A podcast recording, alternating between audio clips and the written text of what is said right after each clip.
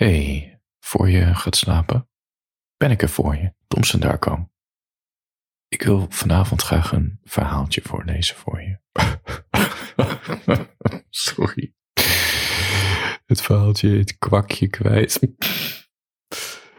Ja, ik heb er echt veel te lang aan gezeten de afgelopen weken. En ik heb het gevoel dat hij nog steeds niet helemaal goed is. Maar weet je wat, ik ga hem gewoon voorlezen voor jou. Dan zien we wel waar, waar het ontspringt, oké? Ik hoop niet dat je me nu een hele banale viespeuk vindt, maar ik geniet heel erg van mijn eigen banale, banale verhaaltjes.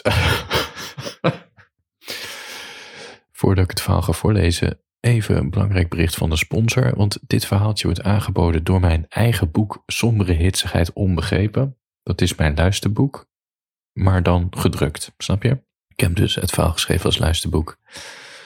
Heel veel mensen zeiden, ik ben niet zo van luisteren. Ja, precies. Dus dacht ik, nou ja, dan zet ik het wel even op een uh, druk. Laat ik het gewoon even op papier drukken. Als je het boek wil bestellen, ga even naar mijn webwinkel. Het staat in mijn show notes. En je kan hem ook als luisterboek luisteren. Dan hoor je het in je oor. En ik heb een uh, drie uur durende versie ingesproken over de achtergrond van het verhaal. Dus eigenlijk een in slaapval bericht, maar dan drie uur lang. Een soort marathonsessie. Dus als je me geweldig vindt, dat vind je. En denkt, ik heb wel twee tientjes over en wat is geld nou, hè? Kopen. Goed. We gaan uh, door naar het hoofdmenu uh, van vanavond. Kwakje kwijt. De, deze versie heet versie 2. Want ik loop er ook te veel mee te klooien. Oh. Sorry. Voor je gaat slapen. Liv belde me op het meest gênante moment op. Ik zie wel dat je online bent, appte ze daarna. Vervolgens nam haar naam weer mijn hele scherm over. Het was alsof iemand me onder schot hield. Ja, zei ik en hoorde de galm van mijn stem via de telefoon. Waar heb je het gelaten? zei ze. Je belt echt op het verkeerde moment, zei ik. En ik trok de wc door om haar dat duidelijk te maken. Liv belde me niet veel later nog een keer op toen ik een plankje recht probeerde te houden op Nora's kamer. Nora zette met de tong uit de mond een stipje met het potlood. Houd recht dan, zei ze. Mijn telefoon trilt, zei ik. Nora liep om me heen en ging aan de andere kant van me staan om een volgend stipje te tekenen. Zegt de waterpas nog dat het oké is? vroeg ze. De bubbel zat nog steeds tussen de twee streepjes. Ik denk het, zei ik, en ik krijg echt kramp in mijn armen. Nora legde haar hand op mijn trillende broekzak. Je wordt inderdaad gebeld, zei ze. Toen tikte ze op mijn schouders. Laat me zakken hoor. Ik legde de plank met de dragers eraan vast, voorzichtig op de grond en het getril in mijn broek stopte. Nora knielde bij een groene doos en haalde een boormachine eruit en stopte een boor erin en wreef eroverheen en blies er tegenaan. Wie belde je? vroeg ze. Geen idee, zei ik en staarde naar de potloodstipjes op de muur. Niet gekeken. Liv zeker, zei ze. Hoezo denk je dat? Waarom zou je anders niet kijken wie er gebeld heeft? Ik krabde in mijn nek. Nou ja, het is toch belachelijk dat we vaker naar onze telefoonschermen kijken dan naar onze geliefde. Het enige wat die telefoon doet, is mij de hele tijd roepen dat er iets te beleven valt. Ik weiger een slaaf te zijn van dat. Geef mij maar de blauwe lucht in plaats van blauw licht. Ik liep naar haar raam toe en staarde naar de treurige flat tegenover ons huis. Heel overtuigend, beer, zei ze, en zette een veiligheidsbril op en pakte vervolgens de boormachine en ging rechtop staan. Net op dat moment begon de telefoon weer te trillen. Liv. Hoi, zei ik. Ben je nou gekomen of niet? vroeg ze. Waar heb je het over? De twaalf uur is al voorbij, hè? Bij voorkeur binnen twaalf uur slikken staat er. Wat slikken, zei ik. Nora zette de boor tegen de muur aan. Eén ding is zeker, verstond ik nog. Rrr, rrr, rrr. Ik heb niks geslikt de afgelopen nacht, zei ze. Wat? vroeg ik. Liv? Liv? Op de spinfiets in de sportschool gleden de druppels zweet als een delta-rivier naar mijn kin toe. De muziek in mijn oor was te soft. Net op het moment dat ik een ander nummer wilde opzetten, verscheen Liv's naam op het scherm en mijn vinger drukte voor mijn verstand het wilde daarop. Hé, hey, zei ze in mijn oordopjes. Hoi, zei ik. Het is de derde keer dat ik je vandaag bel, meneer Beer. Geef nou maar gewoon antwoord. Ja, sorry, ben gewoon druk vandaag, dat had ik je toch al gezegd, zei ik. Ben je nou in mij gekomen of niet? vroeg ze.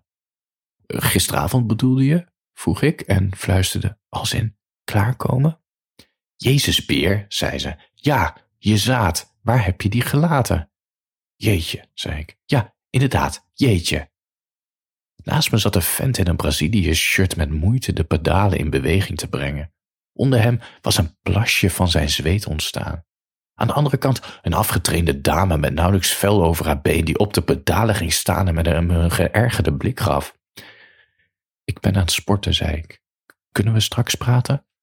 Luister, Beer, je komt altijd klaar over mijn gezicht alsof ik een of andere pornohoer ben, zei ze.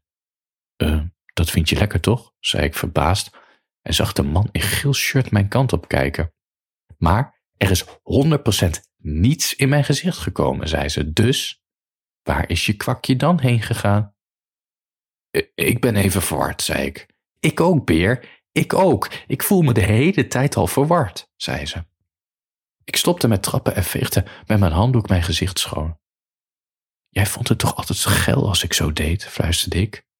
Wat zeg je? Er is veel kabaal daar, zei Liv. Geil, zei ik harder. Hé, hey, ik ben niet je pornoslet en dat weet je, zei ze. Toen hing ze op. Vervolgens, toen ik weer mijn ritme op de pedalen te pakken had, belde ze nog een keer. Jezus, riep ik hardop. Ze zei, mijn buik voelt wat dikker aan, wist je dat? Haar voordeur kon wel een likje verf gebruiken. Toen ging die open. Lul, zei ze. Ze had nog een kamerjas aan en niets gedaan met haar gezicht. Gaat het? vroeg ik. Wat? zei ze. Moet ik nou serieus mijn best doen voor je? We liepen naar haar kamer toe en ze wees naar haar uitgeklapte slaapbank. De plek waar we afgelopen nacht ook op belanden. Waar is je zaad? vroeg ze. En ze liep naar de prullenbak toe, pakte die op en drukte het in mijn hand. Ik zie geen condoom of tissues. Jij wel? Ik zette zonder te kijken de prullenbak op de grond. Hebben we het wel gedaan dan? vroeg ik. Ze stapte op me af en greep me in mijn ballen. Hoe voelde ze? vroeg ze. Je prikkelt me wel met die hand daar, zei ik. Voelde ze zwaar? Voelde ze alsof er niets mee is gebeurd afgelopen 24 uur? Wacht, wacht, wacht, wacht, zei ik. We kwamen elkaar tegen op de neuden, toch? Haar greep om mijn ballen werd steviger, tegen het pijnlijke af. Toen hebben we een fles wijn weggezopen in dat wijncafé, zei ik, omdat jij een meevaller had van je pa. Heb ik die fles betaald? vroeg ze. Ook dat nog. Zij liet mijn ballen los en gaf me een stomp tegen mijn arm. Je had me beloofd dat jij eens de gentleman zou spelen. Maar toen hadden we nog een relatie, toen ik die belofte maakte, zei ik. Dus? Ze liep van me vandaan en ging vervolgens op de slaapbank liggen met haar beide handen op haar hoofd. Mijn hoofd voelt wel alsof we een fles weg hebben gezopen, zei ze. En we hebben nog een afzakkertje gedaan in die hoekkroeg in de vogelenbuurt, zei ik. Kan ik me niks van herinneren, zei ze en ging recht overeind zitten. Het is echt een zwart gat. Ik knikte en zag een glas met water op het bureau staan en tilde het op. Deze had ik vannacht gevuld, zei ik. Dus je bent hier geweest, zei ze. Ja, weet je dat ook niet meer? De wc-bril stond omhoog, zei ze. Er zijn geen andere mannen vannacht hier geweest, dus ja, dan zijn we hier met z'n tweeën geweest. Ik dronk het glas in één keer leeg en ging op de rand van haar bureau zitten. We hebben gezoend, zei ik, op je bed. Wanneer ben je naar huis gegaan dan? vroeg ze en stond op. Haar kamerjas viel open. Een witte slip was zichtbaar, haar borsten nog net bedekt. Je viel toen in slaap, zei ik, wat me niks verbaasde overigens, gezien wat jij allemaal naar binnen had zitten werken. Liv legde een hand in haar zij op haar blote heup. Haar borst was nu zichtbaar. Heb je me nou genomen of niet? Waar zie je me voor aan? schreeuwde ik, als een verkrachter? Ik werd wakker zonder onderbroek, beer, zei ze. Nou, dat heb je dan zelf gedaan, want uh, ik ben gewoon naar huis gegaan. En toen zei ze: Wat heb je thuis gedaan? Geslapen? Haar andere hand ging ook op haar blote heup. Twee borsten keken hem nu aan. Heb je nog aan jezelf gezeten of niet? vroeg ze. Nee. Dus je bent nog steeds geil? Ik denk het. Bewijs het, zei ze. Ik ging van het bureau af en ritste mijn jas dicht. Ja, doei, ik ga naar huis. Nee, Beer, Nee, nee, niks ervan. Trek je af. Voor mijn ogen. Ik wil je zaad zien. Op mijn borsten, zei ze. Zien of het waterig of kleverig is. Ik wil het zeker weten, beer. Het laatste wat ik nu kan gebruiken is een abortus. Mijn hand om de deurklink heen. Mijn blik op haar stijve, dikke tepels. Nou ja, als je zo aandringt, zei ik. Kom op dan, zei ze. Broek uit. Ze deed een stap naar voren en nog een. Vervolgens, zonder moeite, ontknoopte ze me en haalde mijn halfstijve lul eruit en pakte het vast alsof ze naar de datum van een barbecue worst keek. Het komt niet heel geil over, zei ze. Weet je zeker dat je niet bent gekomen de afgelopen 24 uur? Ik liep langs haar heen en borg mijn lul weer op in mijn onderbroek en ging op haar bed zitten. Oké, misschien heb ik wel iets gedaan vannacht, zei ik. Ze draaide zich om en knoopte haar kamerjas dicht. Heb je me verkracht? Nou, gewoon. Je onderbroek uitgedaan. Ze legde haar hand voor haar mond. Nee, het is niet wat het is. Echt niet, zei ik. Ja, ja, zei ze. Ik wees naar haar witte slip. Is dat een schone? Is dat een schone? zegt hij, zei Liv. Waar heb je mijn onderbroek gelaten, beer? Ik stond weer op en ritste mijn jas open. Waar is die? herhaalde ze. Uit mijn binnenzak haalde ik haar slip en gooide het naar haar. Ze ving het in één keer en bracht het meteen naar haar neus. Waarom stinkt die naar zaadbeer? vroeg ze. Ik heb me afgetrokken met je onderbroek om mijn lul, oké? Dat is het. Thuis, op mijn kamertje. Dat is het enige. Mag dat soms ook al niet meer?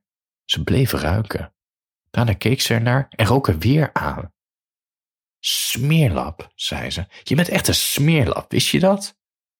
Ik haalde mijn schouders op en deed een stap dichterbij en raakte haar bovenarm aan. Ze sloeg die meteen weg en deed een stap achteruit. Haal je maar niets in je hoofd. Vertrek maar gewoon, oké? Vertrek. Buiten bij mijn fiets ging het raam van haar kamer open. Beer, zei Liv opgewekt. Ze hing half uit het raam. Wacht eens. Ze ging naar binnen met haar lichaam, verdween even uit zicht en verscheen toen weer met haar witte slip in haar hand. Ze maakte er een prop van en gooide het naar beneden. Het kwam in de struik terecht. Het aandenken, zei ze. Smeerlap. Einde.